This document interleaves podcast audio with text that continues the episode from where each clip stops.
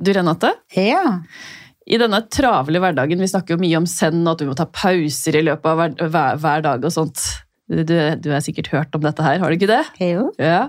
Vet du når jeg gjør det? Nei. Når jeg tar hårkur. Fordi at da har vi har jo en stillesone i salongen, Ja. og når, da skal du ha ti minutter bare massasje, blokkerer ut hodet, kunden snakker ikke, ja. og da blir massasjen veldig mye bedre også, Ja. fordi at du bare tuner ut. Det kan jeg kjenne igjen, men jeg trodde du sa noe etter hårkurs, tenkte jeg på deg selv. Og da Ja, det hadde vært enda bedre! Da gikk det i huet mitt. Hvor ofte gjør du det? Nei, det er når jeg tar kunder. Når du tar kunder. Ja. Ja. ja det er den beste. Ja, Den avslapninga. ja, da tenker jeg på det at eh, jeg, jeg tenker at jeg ikke skal tenke. Ja, ikke sant? Ja. Deilig. Mhm.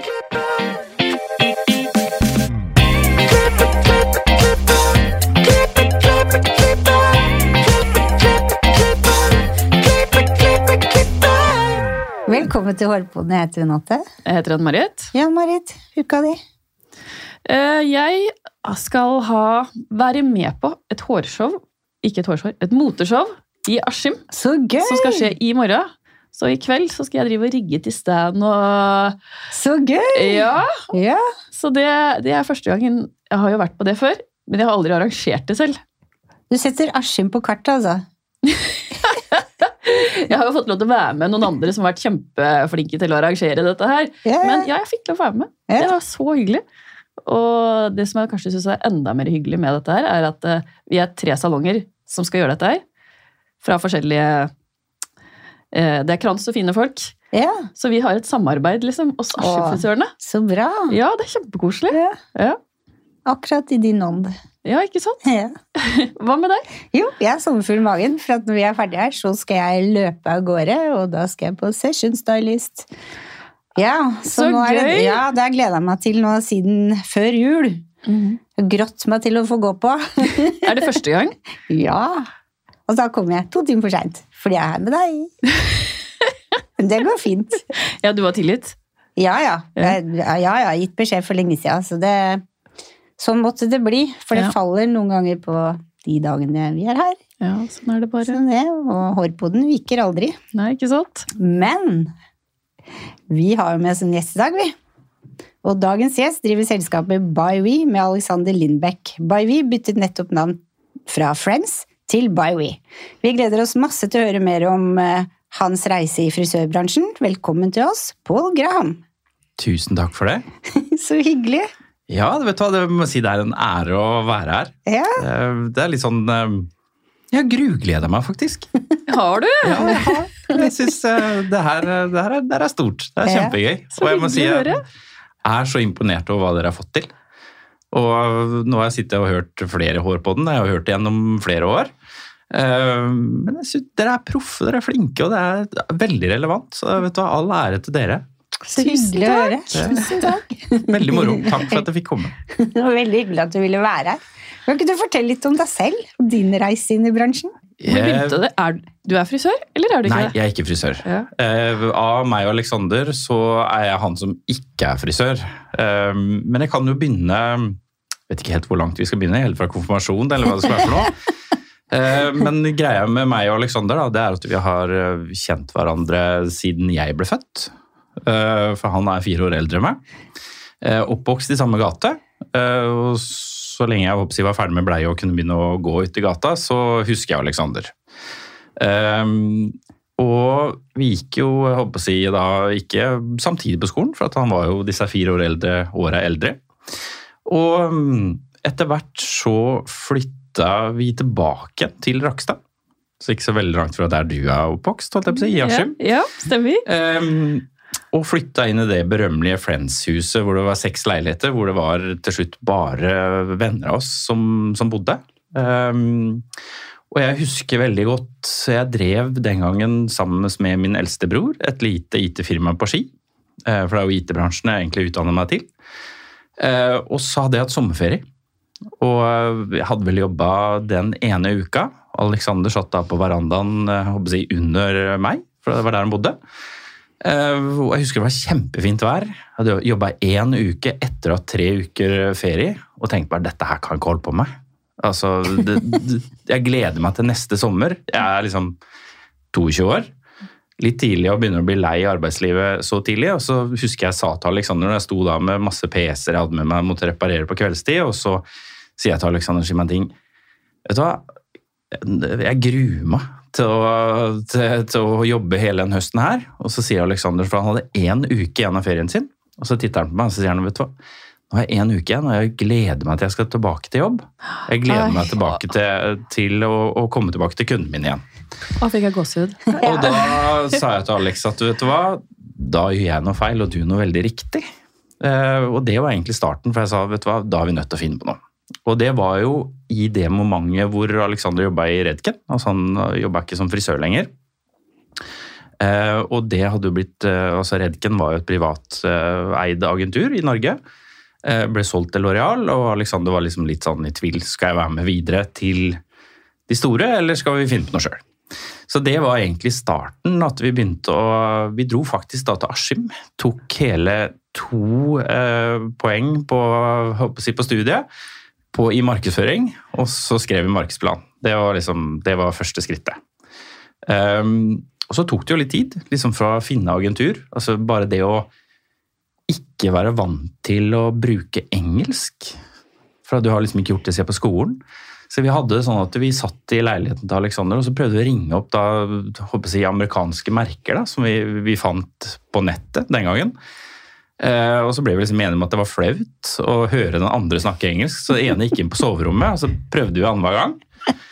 Fikk ikke tak i noen verdens ting. Det var liksom, husker vi fikk, eh, fikk eh, muligheten til å få et varemerke, men da måtte vi ha én million i bankgaranti, og vi hadde jo liksom kanskje 30% av konfirmasjonspengene våre igjen, så det var liksom ikke noe særlig å, særlig å hente. Um, og så fikk vi muligheten til et agentur som i utgangspunktet het Nexus, som en underagent fra, fra, fra Sverige. Og det var jo egentlig en spedbegynnelsen. Og når vi liksom fikk på plass det, vi liksom hadde lagd en markedsplan, hvordan vi skulle agere, og hvordan vi skulle jobbe i, i markedet, så var det bare å få alle Alexander sine bøker eh, om det å være frisør. Eh, lese alt fra kjemi til klippeteknikker til alt som var, Wow. for å lære seg det. Og det var liksom var starten. Og så var det, hva skal jeg si, vi tok liksom aldri beslutning om at nå gjør vi det. Det blir bare helt naturlig å gjøre det. Så jeg solgte meg ut av det firmaet jeg var i. Alexander slutta da i, i Redken. Og så hadde vi da den første arbeidsdagen da i i februar i 2002, var da vi begynte. For en start! Ja, det var altså. For meg så var det jo, føltes det veldig brutalt. Altså, Alexander var jo god på dette. Han kjente jo folk i bransjen. Eh, Jeg gjorde ikke det, så jeg fant ut at jeg måtte bare hoppe i det. Altså, Vi har inn- ingen inntekt. Eh, Det gikk jo en drøy måned etter at vi eh, etter at vi hadde starta og var liksom klar over at vi ikke skulle ha noe inntekt, så ble da hun som jeg, var min tidligere kone, da, ble gravid. Så jeg tenkte nå har jeg ikke noen mulighet. altså Jeg må kunne brødfø og gjøre noen ting, så jeg måtte jo begynne å banke dører og gå innom frisørsalonger. Eh, og det var eh, Det var forferdelig i begynnelsen. Eh, jeg kommer aldri til å glemme Jeg kom på utsida, det var sommeren. Kom på utsida av en frisørsalong. Og så gikk, hadde jo med meg da en veske med ja, Vi hadde liksom noen av fire sider vi hadde printa ut, som fortalte litt om oss. Og så parkerte jeg da på liksom andre siden av frisørsalongen, og så sto vinduene oppe.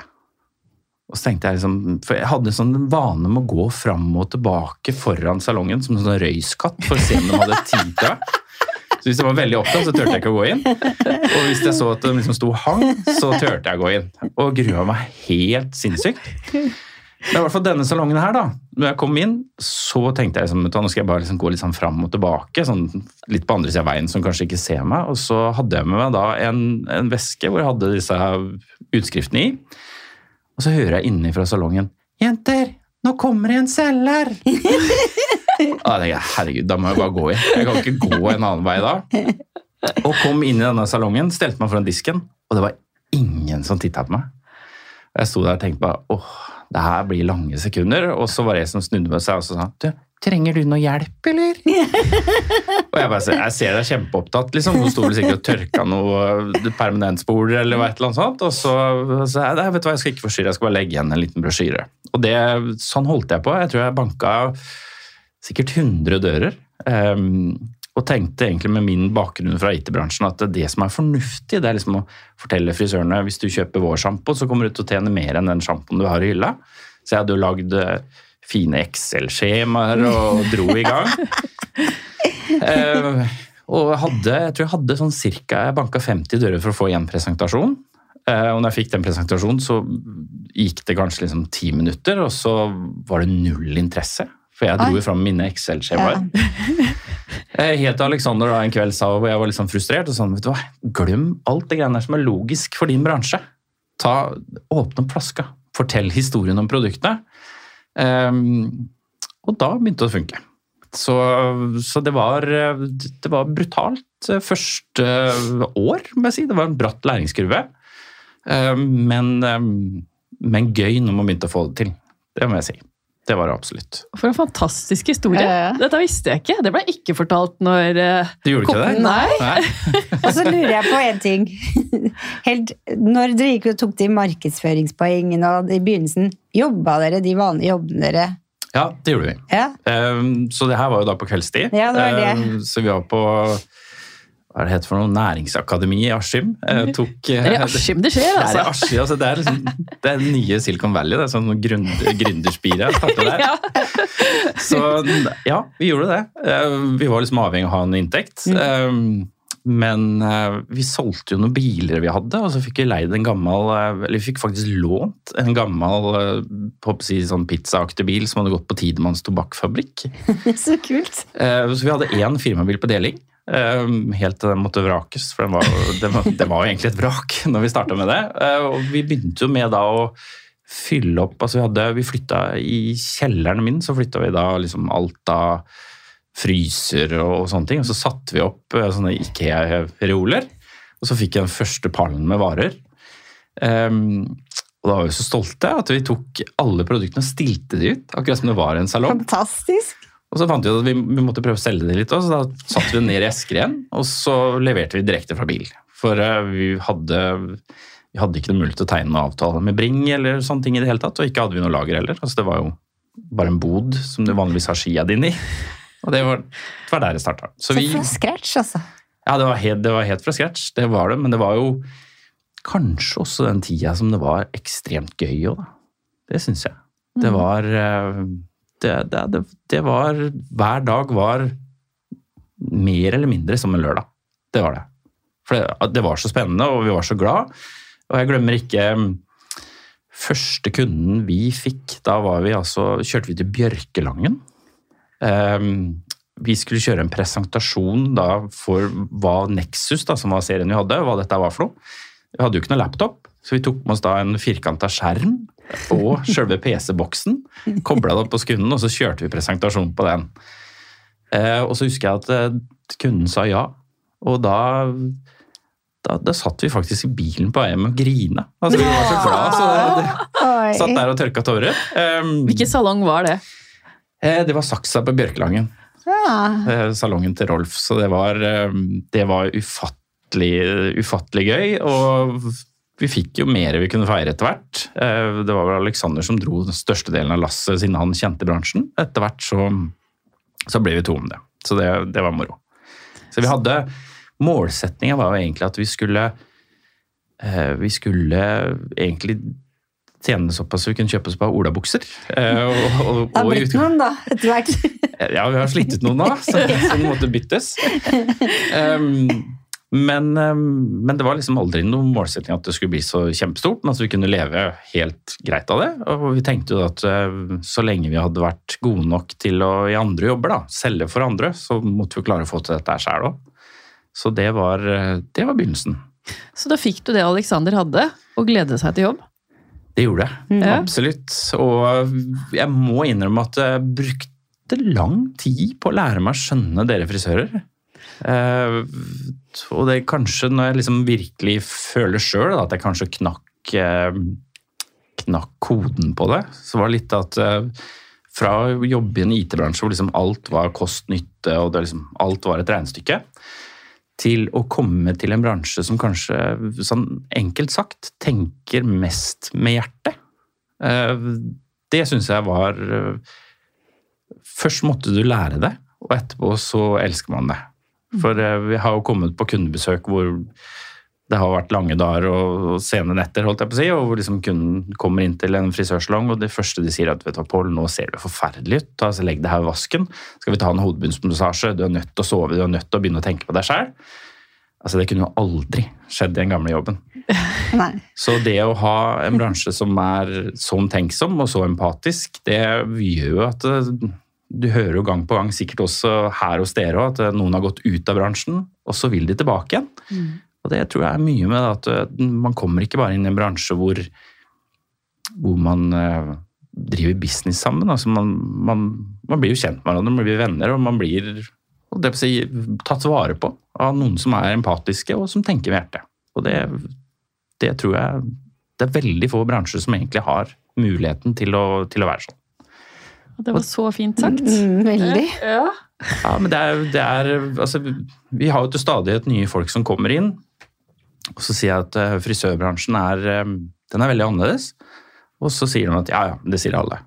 Uh, jo, jeg jeg er helt enig med det, men, men den er veldig annerledes. Jo, jo, men det er optikerbransjen, og det er den og den bransjen. Og, altså, her, her, her tenker eh, altså, Man må se på en frisør litt som en blanding mellom en håndverker og en kunstner. Eh, Så det er liksom det emosjonelle som, er, som også er veldig viktig. Eh, Det tror jeg mange etter hvert ser og setter pris på. For det er, eh, det er fantastisk. Altså, når jeg solgte kopimaskiner, så var det ingen som kom inn og sa vet du, du ser sliten ut, skal du få en massasje? Det var helt uaktuelt. Så nei, det, det må si det er en bransje man har lært seg over nå 20 år da, eh, å bli uendelig glad i. Det er uten tvil. Så det har vært gøy. Veldig gøy. Hvor mange er dere nå i dag? Vi er, altså Nå er, har vi jo bytta navn, som Ja. du nevnte innledningsvis. Eh, Så nå er vi liksom blitt skandinaviske på, på en måte. Så i Norge så er vi eh, litt i overkant av 40. Eh, Totalt sett, nå har vi da både Sverige og, og Danmark, så er vi 170. Wow. Så vi har blitt, eh, vi har blitt noen flere. Hvorfor By We? Det, det, det var ingen lett beslutning, Nei. det skal jeg være helt ærlig. Eh, Vi eh, slo jo sammen med to svenske selskap og et, eh, og et dansk. Og det som var litt av greia, var at vi Altså, vi jo, var jo veldig glad i navnet Friends. For oss hadde det liksom vært hva skal jeg si, den del av vårt voksne liv. Mens eh, det vi egentlig var litt ute etter, da, var at vi ønska å skape en, si, skape en aktør i markedet som er mer skandinavisk. Og det er kanskje viktigere mot leverandørene våre enn det er mot kundene våre. For vi er veldig opptatt av at vi skal være den lokale, lille, tilpasningsdyktige leverandøren.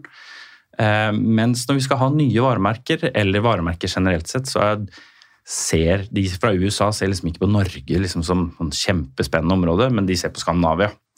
Eh, Så derfor så fant vi ut at vi, vi er nødt til å bli en skandinavisk aktør. For vi slåss jo med eller konkurrerer med selskap som er store internasjonale og fabrikkseide. Eh, Så da var liksom tanken å skape noe sammen. Det var egentlig det vi starta med. Eh, Og vi ville jo lenge at det skulle hete, hete Friends, for det ga jo mening for oss. Eh, Alexander har jo en svær tatovering på underarmen med den gamle logoen, så så det var liksom eh, Hvorfor ikke? Men så var jeg litt opptatt av det at når man skal slå sammen forskjellige selskap, eller kanskje litt forskjellige kulturer i forskjellige land, så har vi ikke noe lyst til at noen skal føle seg som en gjest. Og det blir alltid sånn hvis man kommer inn i en sammenslått gruppe, hvor man da i utgangspunktet har arver noen andres navn, så vil du for alltid føle deg som gjesten i samarbeidet.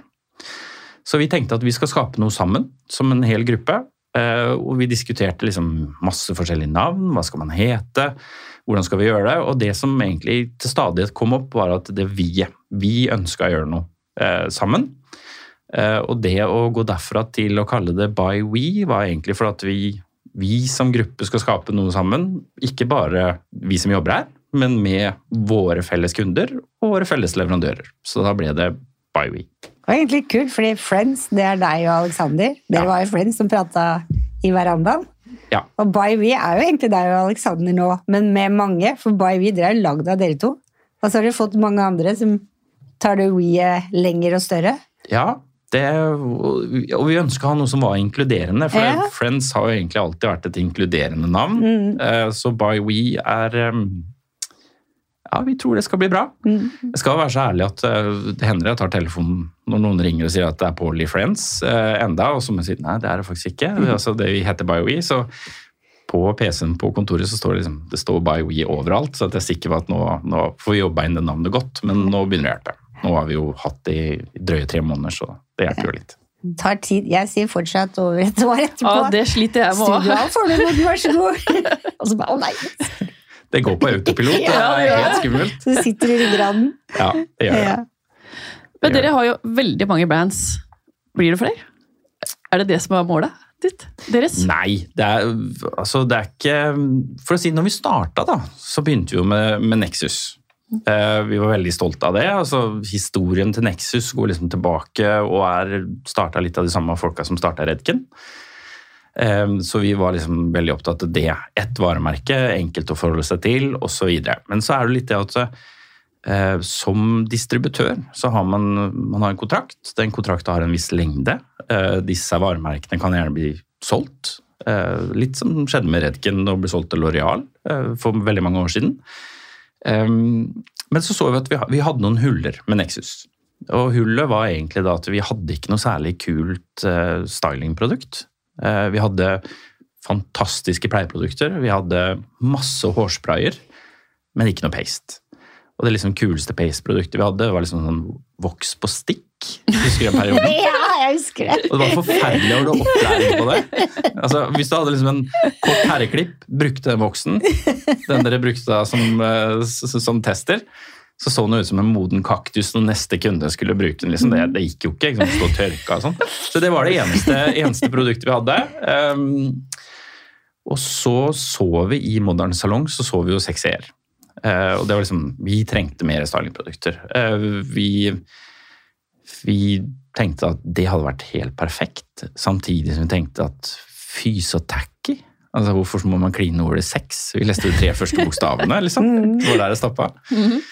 Og så så vi det at, um, at vi eh, De hadde jo masse Stalin-produkter. alt det vi mangla. Så egentlig så var det, sånn- det var en hull i vår portefølje. Eh, Jeg kan ta en lang historien hvis du vil. Eh, Så reiste vi over til USA, eh, kjøpte med oss noen produkter, ga det til dere frisørene. Det syntes det var fantastiske stylingprodukter. Det det er, det er en historie jeg må fortelle. For vi, vi eh, prøvde jo å få dette agenturet sexy her. Det var ikke veldig enkelt, fordi at de svarte ikke på, på mail. Vi fikk aldri kommet i kontakt med dem når vi prøvde å ringe dem i USA.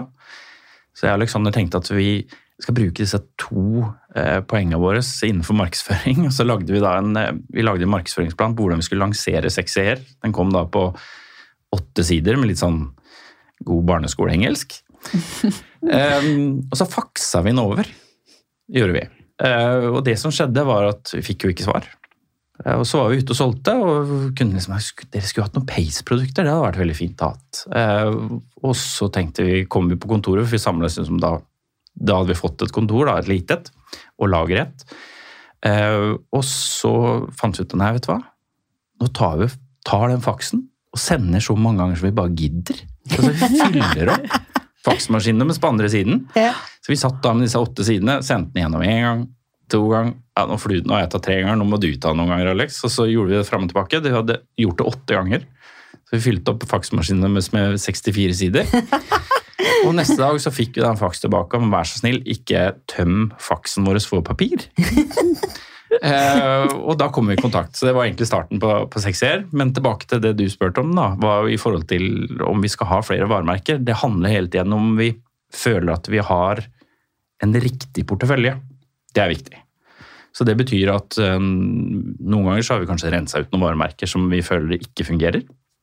Og andre ganger så ser vi hull i et marked, og det er litt det, er litt det vi forsøker å, å gjøre. Altså ha en, en god fruktdisk, er det jeg pleier å si. For det er litt sånn Hvis du skal gå inn og handle på, på Kiwi, og man har masse leverandører av bananer, så tror jeg ikke du selger så veldig mye mer bananer av den grunn, men skal du selge mye frukt, så må du ha en god fruktdisk. Det er det som er, clouet. Så det er ikke målsettingen å ha flest brands, men å ha den beste sammensetninga. Det er det vi egentlig er veldig opptatt av. Jeg husker han amerikaneren dere hadde. Scott Foss, ja. Ja. Du, jeg jobba på studio Alf på Frogner han kom, og han, han masa og masa om de skulle ha en sånn russedrakt, for han syntes det passa så fælt til de produktene. Han syntes det var så Altså, kule. en rød russedrakter kan Ja. jeg tenke meg falt eh, veldig godt inn. Ja. Ja, det, akkurat han har jeg mye gode historier om. Det var jo det var jo egentlig, det begynte jo egentlig litt som en fleip. eh, For vi sa, han var jo da den som lærte oss opp i produkter, og så kom han jo til Norge som dann og vann. Og så så vi at det fungerte så fantastisk bra. Mm. Så vi, vi tilbød jo liksom litt sånn på fleip. Du skulle ikke ha jobba her, liksom. Eh, Et års tid, da. Og han jo, jo, det kan jeg godt gjøre. Og vi bare oi. Og plutselig fikk en amerikaner ansatt, så han bodde her et helt år. Bodde på Grünerløkka og gjorde en fantastisk Ja. jobb. Så han um, Ja, for Han han, er, er flink. veldig original, og alle husker han fortsatt. Ja, ja. Ja, det, Han var jo så blid. ja. Glad og flink og Ja, ja. Ja. Det, Han var, og er, helt fantastisk. Eh, Det, jeg må si det Han skulle hatt tilbake på et eller annet show. Det hadde vært utrolig gøy, Uh, uten tvil. Eh, men eh, kanskje. Ja. Skal få han tilbake. For jeg satt langt inne for en, en del Frognerfruer når de skulle kjøpe hårspray og si 'sexy', jeg skal ha en sexy Ja, det Det er skjønner jeg. Jeg tror jeg skal ha den røde fjerdeplassen til høyre der oppe. altså, ja. Eller så ble det helt omvendt. Å, jeg vil også ha sexy hair! ja, ja, det var enten eller. Jeg hadde, altså, altså når vi hadde Nexus, var det sånn hvite, sånn klassiske stilrene flasker. Og så husker jeg jeg kom inn til en av kundene mine som hadde Nexus, og så sier jeg vet du hva, nå har vi fått tak i noe kult. Det her må du ha. Ehm, og så tok jeg opp da Big Sexy Hair, Spray and Play. Mm. Og så sier du bare nei, jeg skal ikke ha noe i salongen min som står sex på, liksom. og det, ja, det her blir lang vei, liksom, for å argumentere tilbake det. Um, det. Så plutselig kommer inn en kunde, og så bare sier oi, hva er dette her for noe gøy? Og det var da venninne av hun som drev salongen. Og så Big sexy hair, det kunne vi trenge mer av. Ja. Og da endra alt seg, så tok det inn, og så gikk det veldig bra. Men det var jo det var et skritt å, å ta for våre del òg. Altså, vi hadde drevet i 14 dager, så ble vi oppringt av, av kondomeriet, som gjerne ville selge det. skal ikke akkurat å tulle om. Ja. Så, og de liksom Big Sexy Hair ville de gjerne hatt, da. Eh, Så vi tenkte det her, det her er egentlig profesjonelle hårpleieprodukter, hvor langt skal man dra det? Så vi lagde faktisk en presentasjon hvor eh, kvarter av liksom produktopplæringa var egentlig å forklare ordet sexy. Eh, For det handler jo ikke så veldig mye om hva som skjer under dyna. Det handler jo i utgangspunktet om en følelse. Så det brukte vi ganske lang tid på, liksom å ufarliggjøre det. Eh, Og da begynte det å snurre. Da fungerte det Det bedre. Og så er det ikke noe gærent å ha sexy hår under dyna heller, da. egentlig. det er lov. Det er lov. Absolutt. Absolutt. Hva er det neste store som skjer hos dere? Um, vi har masse spennende på trappene. eh, Mye jeg ikke kan håper jeg, snakke om her, kanskje, sånn foreløpig. Eh, Men det vi jobber masse med i disse dager, er jo egentlig å få organisasjonene til å jobbe på tvers av landegrensene. Eh, Vi har jo eh, markedsavdeling, annet, som skal begynne å samarbeide. Eh, Opplæringsavdeling, altså nesten 20 educatere totalt sett, som jobber i Skandinavia eh, som skal begynne å samarbeide for å liksom skape et miljø. Det er det som er én nå å, å få til. Sånn at vi skal bli eh, enda hakket bedre, i hvert fall. Det er målsettinga. For dere har jo bra educatere, og så er det veldig bra merker òg. Olaplex er jo kjempebra. Olaplex har vært en reise, Ja, det er det. Uten tvil. Det, det, har vært, eh, det har jo vært en suksess i hele verden. Eh, Og det Men går. hadde dere det før Kardashian brukte det? Nei, Nei. vi hadde, Nei, dere fikk det etter Kardashian. Vi fikk det like etter. Ja. Eh, Det gjorde vi. Var det sånn dere satt på faksen da, for å få det før alle andre? Nei, vet du hva, da ble vi faktisk Der hadde vi litt flaks. Vi ble tilbudt det. Eh, men så var det det som var litt av clouet, var at vi måtte mm, Vi fikk ikke lov til å teste produktene, men vi måtte kjøpe ekstremt mye. Oi. Eh, så vi fikk liksom beskjed om at skal dere, skal dere i gang med dette her, så må dere bruke 200 000 dollar eh, og, og kjøpe det. Og vi tenkte liksom vi aldri 200 000 dollar? Ja. Det er mye penger. Ja, det er i hvert fall hvis det ikke funker. Ja. Eh, For vi har lansert ting som ikke funker òg, tro meg. Og så tenkte vi nei, vet du hva, så feil kan man vel ikke ta i sosiale medier, så vi tok en sjanse, og det, det har vi ikke angra på. Men jeg har faktisk en ganske bra historie om noe som ikke funka engang. Ja. Vi, eh, vi I Sexy Hair så lanserte de eh, noen leppeprodukter. Som het Big, Big Sexy Lips. ja Den det ga hadde jeg til jeg. alle venninnene mine. Det, det, det var ikke noe suksess, det kan jeg egentlig ærlig talt si. Eh, Jeg og Alexander var så kjempegira på dette her, for at det, det skulle liksom- det inneholdt litt chili og sånn, så det skulle liksom begynne å prikke sånn at leppene ble, ble røde og skulle hovne opp. Så vi, vi fløy det inn, kjørte da to gutter opp i en varebil på Gardermoen, henta det og testa det på vei tilbake igjen til Sarpsborg. altså det funka jo, det ble jo veldig sårt og rødt, men eh, ikke noe salgssuksess. Det ble det ikke. Så man har gjort noen feil, for å si det enkelt. Hvordan ser din hverdag ut nå, når dere er i BioWe? Um, ja, den ser eh, veldig variert ut. Uh, starter som regel med faste rutiner på morgenen. Uh, ute og gå tur med hund. Uh, kjøpte riktignok før korona. Uh, og så når jeg kommer på kontoret, så er det Hvis man da er på kontoret, så er det, er det der man starter. Eh, veldig, veld, veldig variert, vil jeg faktisk si. Ser vi deg i salongen noe mer? Ja, jeg, Ja, du er det? Ja, altså jeg holder en del eh, salgskurser blant annet. Eh, Og er jo med på kundebesøk. Har, har flere kunder som, som vi følger opp i tillegg til selgerne våre, så, så absolutt. Og det, det har jeg ikke noe lyst til å ikke gjøre, for å si det sånn. For så moro er det ikke å sitte på et kontor. Nei, det var det. Det er kjedelig. Ja. Mm. Så nei, det, det er veldig variert. Det er det, altså. Det er ikke sjelden to arbeidsdager som er helt like. Og så er vi vi er jo litt sånn prega av å være en gründerbedrift, så vi, vi gjør jo mest de tingene vi syns er gøy. Det, det, det gjør er gjør sånn idésparing. Veldig mye. Veldig mye. Og så er det jo Ja, jeg og Aleksander har vel har vi sikkert 30% av arbeidsdagene inne på hverandres kontorer og sitter og skravler om alt eh, høyt og fast om muligheter og ideer, så det, Fantastisk. det er gøy, det, altså. Ja. Er det det beste med jobben? Ja, jeg, vet du hva? jeg tror absolutt det beste med jobben sånn opp gjennom tidene har vel vært det å se um, Se andre som jobber hos oss, lykkes med det de holder på med. Uh, for vi har vært uh, Jeg vil si heldig med de menneskene vi har ansatt. Altså vi, vi har, I Norge så har vi jo over tolv år ansiennitet i snitt på de som har vært hos oss. Så det, det er liksom ja, altså Monica som jobber på regnskap hos oss, det er det første vi ansatte. Hun er der fortsatt. Så det, så det, det er gøy å se at, at andre får det til. Det, det tror jeg er det som motiverer meg desidert mest. Eh, Når man ser selgere som knekker koden, eller om det er folk som jobber med markedsføring som virkelig liksom ser hvordan man skal gjøre det. Og vi må vel ærlig talt innrømme både jeg og Alexandra at vi, eh, vi kan langt ifra alt. Så vi er avhengig av å ha med oss folk som er flinke, og det, det er vi heldige å ha. Absolutt. Mhm. Vi har noen faste spørsmål til deg også. Kjør på. Har du noen tips til frisører opp og fram? Ja, det har jeg absolutt. Eh, For det første så det å være dyktig i faget. eh, Og seriøs i, i faget sitt. Altså selve fagkompetansen syns jeg er superviktig. Eh, Og så har det jo vært, og er jo veldig i vinden, dette her med sosiale medier, og vise seg fram. Og jeg tror bare det å kanskje ikke bare vise seg selv fram, men vise fram sitt arbeid òg.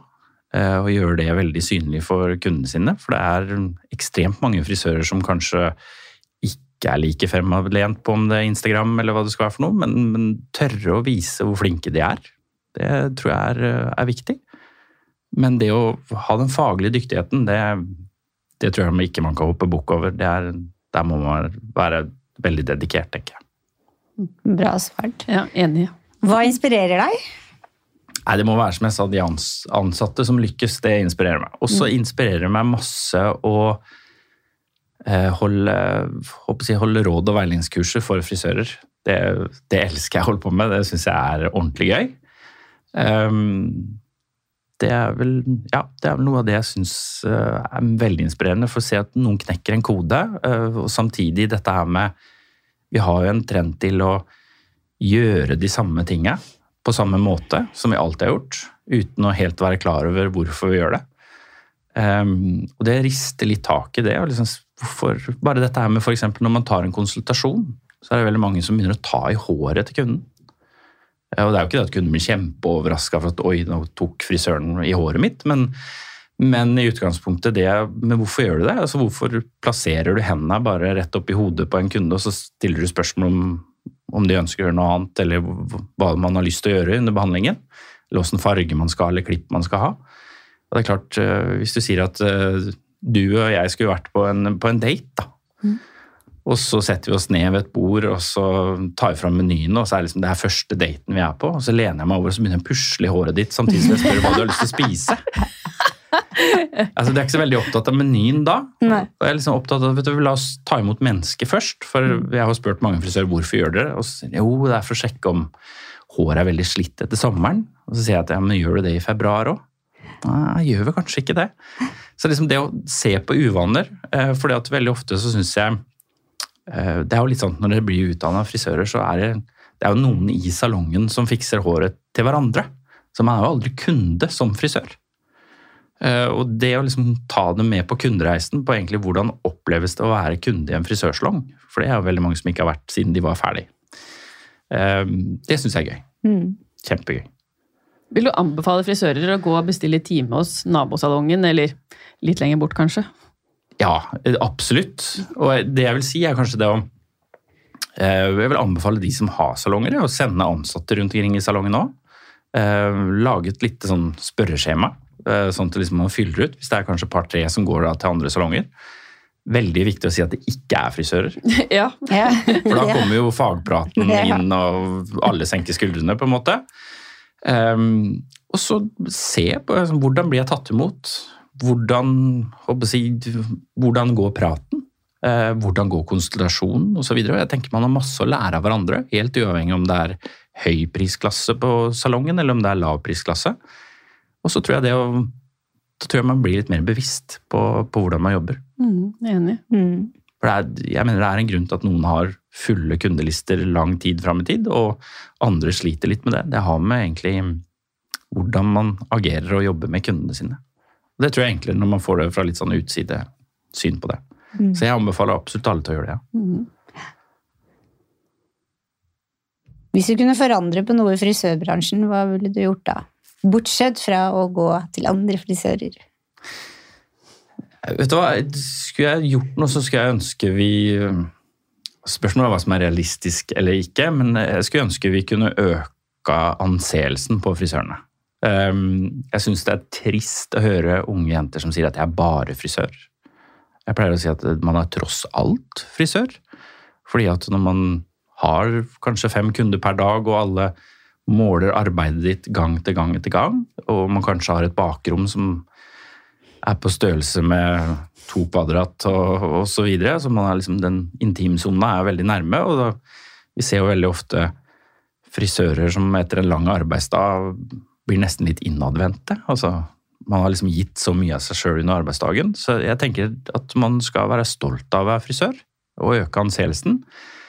Og så er jo dette her med det å jobbe med å få rekruttert nye til vår bransje. Det skulle jeg ønske at det kom inn masse mye mer frisører enn det, enn det det gjorde. For det er jo en, en fantastisk bransje å være i. Veldig enig. Mm. Hvor finner lytterne deg på sosiale medier? Ja, nå på Hårpodden? eh, nei, vet du, jeg skal ærlig talt innrømme at jeg er ikke noen sånn stor sosiale mediebruker. Eh, jeg har en side på Facebook eh, og Instagram. Ellers er det veldig begrensa, altså.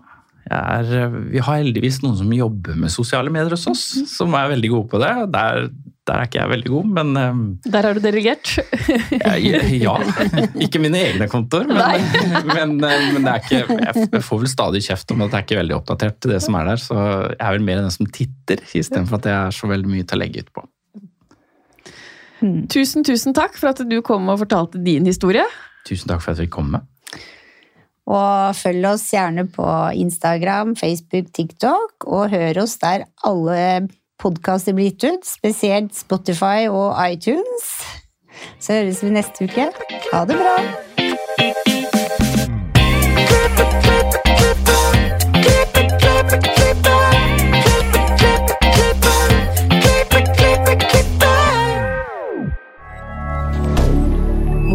media.